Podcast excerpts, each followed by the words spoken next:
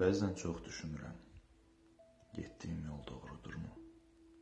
Düşüncələrim, etdiyim işlər, qarşıdakı planlarım əsas məqsədə çatmaq üçün idealdırmı? Bu fikirlərlə beynimdə var gəl etdiyim bir vaxtda nəyin necə olduğunu bilmədən,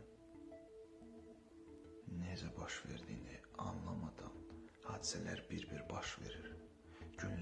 Keçir, saatlar, dəqiqələr əvəzləyir.